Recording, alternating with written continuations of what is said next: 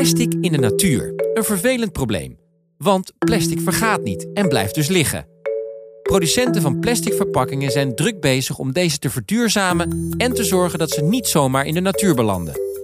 Daarnaast wordt er ook gekeken naar oplossingen die ervoor moeten zorgen dat mensen hun plastic afval wel op de juiste plek weggooien of inleveren.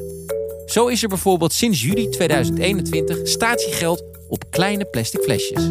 Wat is dit? Een waterflesje, een leeg waterflesje. En wat moet ik daarmee doen nu die leeg is? Hey, statiegeld, moet je inleveren in de supermarkt toch gewoon? Krijg je zo'n statiegeldbonnetje? Oh, je krijgt hier geld voor? Zeker. Ja, die kleine flesjes, daar krijg je niet geld voor. Dat is sinds een paar maanden zo, dat weet ik. Geleerd laatst. Maar en, en zou dat er dan ook voor zorgen dat mensen dit niet meer op straat gooien? Dat hoop ik wel, ja. Als ze er geld voor krijgen, dat zou wat zo zijn, toch? Dat ze dan even gaan inleveren. Ik hoop dat dat een beetje werkt. Ik denk dat het idee daarachter is, namelijk. Mijn naam is Daan Nieber en in deze derde aflevering van Waste Je Dat, de podcastserie van Nederland Schoon, kijken we naar het plastic flesje. We onderzoeken de rol en de verantwoordelijkheid van de producent. Hoe verduurzamen zij hun verpakkingen? En we kijken naar het nieuwe statiegeldsysteem. Een statiegeldsysteem dat draait om waarde. Ik denk dat als consument realiseer je eigenlijk niet altijd dat een verpakking waarde heeft, ook na gebruik. Uh, en als mensen ze dus op de juiste manier inleveren, krijgen wij ze weer terug en kunnen wij er weer nieuwe verpakkingen van maken. Producenten van plastic flesjes hebben ook een belangrijke verantwoordelijkheid in de aanpak van dit probleem. Gelukkig zijn ze druk bezig met het verduurzamen van die flesjes en het tegengaan van zwerfafval. Zo heeft Spadel, het bedrijf achter bekende watermerken zoals Spa, 10 doelstellingen opgesteld voor 2025 die moeten leiden tot 100% circulaire verpakkingen. Ik heb afgesproken met Sanna van Spadel op hun kantoor in Maden en ik stel haar meteen de vraag die mij het meest bezighoudt. Moeten we gewoon hier van die plastic flesjes af? Zeker. En ik denk dat dat ook een belangrijke is voor ons waar we mee bezig zijn. Op zoek naar alternatieven voor het huidige plastic. Het geldt wel als je gewoon kijkt naar ons product. Dus natuurlijk mineraalwater. Er zijn eigenlijk drie soorten water. Kraanwater, wat we natuurlijk eh, in Nederland allemaal kennen. Bronwater en natuurlijk mineraalwater. En elk met zijn eigen kenmerken. En natuurlijk mineraalwater moet volgens de wet gebotteld worden aan de bron. En dat moet in een verpakking die niet meer open gaat tot de consument het water zelf gaat drinken. En dat betekent dat als je naar de onderwegmarkt kijkt, uh, dat je dan toch al gauw uitkomt bij kleine plastic flesjes. En ja, we hopen daar een alternatief voor te vinden in de toekomst. Maar de strenge kwaliteitseisen maakt op dit moment uh, nog lastig. Maar is dan glas bijvoorbeeld eigenlijk niet veel milieuvriendelijker? Ja, dus in de horeca gebruiken we ook voornamelijk glazen flessen die je weer opnieuw kunt, kunt vullen. Uh, maar eigenlijk als je kijkt naar verpakkingen of het duurzaam maken van je verpakkingen, zijn er twee belangrijke factoren waar je naar kijkt. Dus je CO2-uitstoot, hoeveel energie kost het om een verpakking te maken. Daarbij is het ook belangrijk om te kijken waar haal je je product of je grondstof vandaan voor je verpakking. In ons geval komt het plastic, uh, wordt lokaal ingekocht, dus dat komt vlak bij de fabriek vandaan. Dat is natuurlijk beter voor het klimaat dan als dat je het uit het verre oosten gaat halen. En het tweede element is de recyclebaarheid of de circulariteit. En dat is dus hoe vaak kan je een verpakking opnieuw gebruiken. En als je al die elementen bij elkaar optelt, uh, dan zie je dat plastics bijvoorbeeld minder goed scoort als het gaat om CO2-uitstoot, maar wel heel goed te recyclen is. Het zijn allemaal elementen waar je rekening moet houden. Het is eigenlijk een puzzel die je de hele tijd aan het leggen bent, waar de puzzelstukjes ook verschuiven afhankelijk van ontwikkelingen, innovaties. En op dit moment is voor ons plastic nog de meest duurzame keuze. Uh, en uiteraard voor de horeca is het dan de glazen flessen. Producent kan dus nog niet zomaar van plastic af. Maar hoe zit het eigenlijk met die consument? Je hebt tegenwoordig herbruikbare flesjes, dus waarom kopen mensen überhaupt nog die van plastic? Ik vraag het aan gedragswetenschapper Eva van den Broek. Uh, we worden er vaak aan herinnerd, denk ik, gewoon doordat het er is, uh, aanwezigheid helpt. Uh, daarnaast denk ik dat um, veel flesjes, blikjes, dat soort dingen ook een sociaal signaal afgeven. Dus je bent een beetje wat je laat zien dat je voor type merk of drank aan het drinken bent.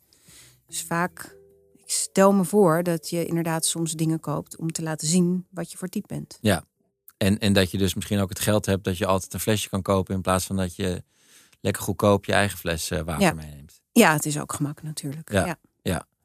Een plastic flesje is een vrij, nou ja, relatief gezien groot stuk afval. Als je het ja. Vergelijkt met kauwgom of met een uh, sigarettenpeuk of wat dan ook. Toch gooien mensen dat dus soms op straat of in de bosjes.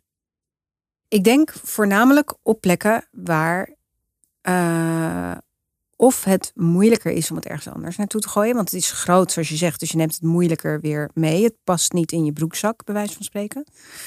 Um, aan de andere kant denk ik dat vaak als mensen iets aan het drinken zijn, dat het een sociale gebeurtenis is. En dat je aan de andere mensen misschien, dit klinkt vreselijk, maar wil laten zien dat je er lak aan hebt. Dus het is ook een uh, normdoorbrekend uh, type actie. En dan gaat het dus niet zozeer om het. Uh, dan gaat het er niet om dat je dorst hebt of zo. Dan is dus het kopen en op de grond gooien van zo'n ding is een sociale status attribuut of zo bijna. Het is gewoon cool. Het is gewoon cool. Spadel probeert die verpakking in ieder geval duurzamer te maken. Ze hebben een strategie opgezet bestaande uit vier pijlers, namelijk Recycle, een 100% recyclebare verpakking, Reinvent, innovatie, Restore, het bestrijden van zwerfafval en Reduce, het verminderen van de plastic voetafdruk. Er worden binnen deze pijlers al flink wat stappen gezet. En ik denk een mooi voorbeeld daarvan is dat we eh, ook druk bezig zijn met het lichter maken van onze plastic flessen. Uh, dus we hebben recent ook uh, de anderhalve liter fles Spa Renne, dus de Spa Blauw. die is ook lichter gemaakt en opnieuw gelanceerd. Dus de fles is nu meer dan 10% lichter. En dan denk je, nou, dat lijkt niet zoveel, maar daarmee besparen we op jaarbasis ongeveer 300 ton plastic. En als je nu kijkt naar de pijler meer met gerecycled materiaal, dan bestaan dus, ja, deze die ik ook voor me heb, de waters met de spaakjes, Spa Touch, bestaan nu als eerste in ons portfolio volledig uit 100% gerecycled plastic. En dit jaar zullen een aantal andere producten volgen. En dan uiterlijk in 2025 uh, zullen al onze verpakkingen uit 100% gerecycled plastic bestaan. Een deel van die flesjes van Spa zijn nu al van 100% gerecycled materiaal. Maar waarom zijn nog niet alle flesjes dat? Het, ja, het, soort van simpele antwoord en het antwoord dat mensen niet altijd leuk vinden om te horen is het, het kost tijd. Je wil het materiaal uitgebreid testen voordat je het gaat toepassen. En het belangrijkste is, we willen ervoor zorgen dat als we overgaan, dat die overstap voor altijd is. Je wil niet in de toekomst terug hoeven te komen omdat er bijvoorbeeld niet voldoende geschikt materiaal is dat zou desastreus zijn. Dan heb je een, een mooie stap gezet en dan ga je vervolgens moet je weer tien stappen achteruit. Dus um, nou ja, ik moet, moet een beetje geduld hebben, zoals meer mensen dan blijkbaar. Ja, geduld is een schone zaak, zeggen ze toch? Absoluut. Spadel heeft kwalitatief goed plastic nodig. Mede daarom is het statiegeldsysteem een goed idee. Doordat de flesjes weer centraal worden ingeleverd, kan het goede plastic op een super efficiënte manier worden hergebruikt. Ik vraag Eva waarom statiegeld zo goed werkt om gedrag te sturen. Statiegeld, het is alsof het is uitgevonden door een gedragseconoom. Ja? Nou, het is echt. Um, ja, we weten uit, uit onderzoek um, dat mensen meer lijden onder iets wat hen wordt afgenomen, dan dat ze blij zijn met iets wat ze cadeau krijgen. En dat klopt ook intuïtief wel. Hè? Als je nadenkt over de laatste keer dat je 50 euro bent kwijtgeraakt, dat deed echt heel erg zeer. Maar vind je zoiets of win je zoiets, dan is dat wel even lekker. Maar dat is niet iets wat je nog nu je kunt herinneren, waarschijnlijk. En dat is ook, ja, dat is ook wel praktisch natuurlijk. Dat je je beter herinnert aan het moment waarop er iets misging. Uh, is niet leuk, maar wel praktisch. En maar dat is dus een van de redenen waarom statiegeld ook zo goed werkt. Je hebt het idee dat je het hebt uitgegeven, dat geld. Maar dat het eigenlijk van jou was. En dat je het dus weer terug moet krijgen. Ah. En dat, dat werkt goed. Ook al is het maar 15 cent. Ja, want als je het dan weggooit, dan gooi je je eigen geld weg. Exact. Ja. En dat doet pijn. Ja. Ja. En hoe, hoe noemen we deze vlieg? Ja, we hebben hem in ons boek hebben we hem de pijnvlieg genoemd. Omdat het echt gaat om verlies en om, om risico's en dat soort dingen. We hebben het dan wel heel erg druk in ons brein. Maar als we ergens door geraakt worden, en dan helemaal in ons portemonnee. Nou, dan gaan we er plotseling wel over nadenken. Ja, als het uh, zichtbaar en plotseling is, dan, dan voel je dat wel. Ja. ja. Wie niet uh, horen of zien wil, via mooie uh, abri- en postercampagnes, die moet maar voelen. Ja. Het statiegeldsysteem is dus een maatregel die past bij de pijnvlieg uit het boek van Eva. De pijn die je ervaart bij het betalen van die extra 15 cent zorgt er dan hopelijk voor dat je het flesje weer inlevert. Ik ga de straat op om mensen te vragen of ze dat ook doen. Een leeg plastic flesje. Wat, wat, uh, wat, wat, moet ik hiermee doen, nu die leeg is? Eh, op zoek gaan naar een vuilnisbak. Maar ehm, ik, ik, ik schijn deze ook ergens gewoon in te kunnen leveren, zie ik. Want kijk, Ja, staat het is hier? veranderd. Statiegeldfles. wat moet ik met dit lege petflesje doen? Dat, is- dat moet je even kijken. Ik denk dat je het terug kan geven. Er zit statiegeld op. Ja, absoluut. Denk ik tenminste hoor, want ik koop ze nooit, maar dat moet erop staan. Er zit inderdaad statie- statiegeld op, 15 cent. Zou dat statiegeld ervoor zorgen dat dit dus niet meer op straat belandt? Ja. Ja, wat, wat is dit? Eh, een plastic flesje. Nou, een lege. Ja, een leeg plastic flesje. Ja. Wat, wat moet ik daar nu mee doen? Eh, kijk even links en rechts hoor, want dat eh, zie je natuurlijk niet. Kijk even of er een vuilnisbak in de buurt staat. Nee, er staat geen vuilnisbak in de buurt. Maar u zou Ik het... zou, doen, ik zou hem in je jas steken totdat je een vuilnisbak tegenkomt. Uiteindelijk zou u het in de vuilnisbak gooien. Ik zou het in de vuilnisbak gooien, ja. Maar nu zag ik dus eh, dit erop staan. Oh ja, dat is inderdaad eh, statiegeld op. Ja. ja, dat is een goeie. Ja, dat was ik eigenlijk vergeten. Nog niet iedereen in Nederland denkt meteen aan statiegeld bij een leeg flesje. En dat is natuurlijk ook niet zo gek, want deze regeling is nog erg nieuw. Gelukkig kan Sanna nog één keer duidelijk uitleggen waarom dat statiegeld nou zo belangrijk is. Ja, het heeft natuurlijk een manier, het is een incentive voor een consument om te zien dat een, dat een verpakking waarde heeft.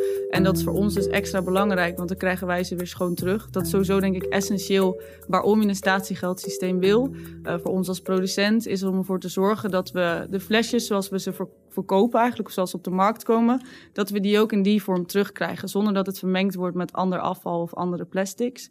En daar speelt statiegeld een superbelangrijke rol bij. Ik denk dat als consument realiseer je eigenlijk niet altijd dat een verpakking waarde heeft, ook na gebruik. Eh, en als mensen ze dus op de juiste manier inleveren, krijgen wij ze weer terug en kunnen wij er weer nieuwe verpakkingen van maken.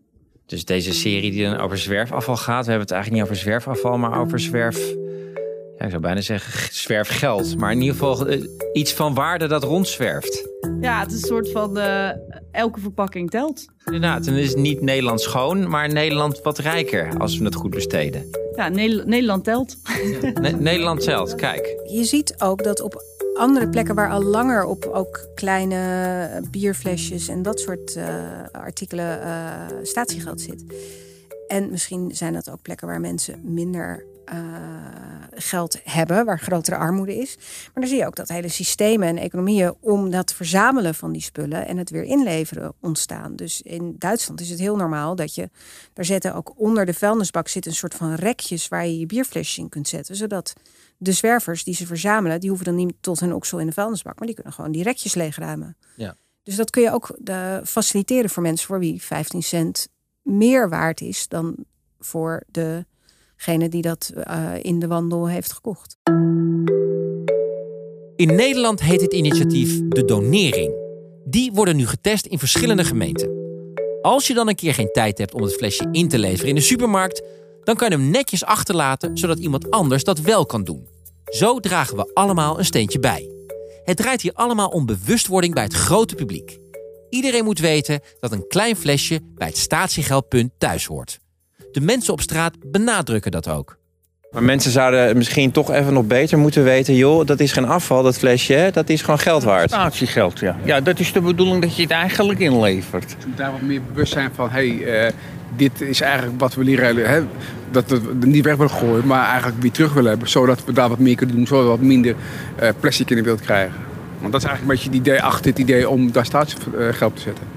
Ja, nee, het is een gedragsverandering en het is eh, ook een stukje bewustwording. Het is ook wat je gewend bent. Hè. Dus je bent, ik heb mijn halve leven dit soort flesjes weggegooid, want er zat er geen statiegeld op. Dus dat zit in mijn systeem. En om dat systeem aan te passen voor iemand die wat ouder is dan ik zelf, eh, dat vergt wat meer moeite dan dat je dat bijvoorbeeld bij de jeugd al eh, tussen de oren krijgt. En dat het heel normaal wordt dat je dat flesje gewoon even meezeult.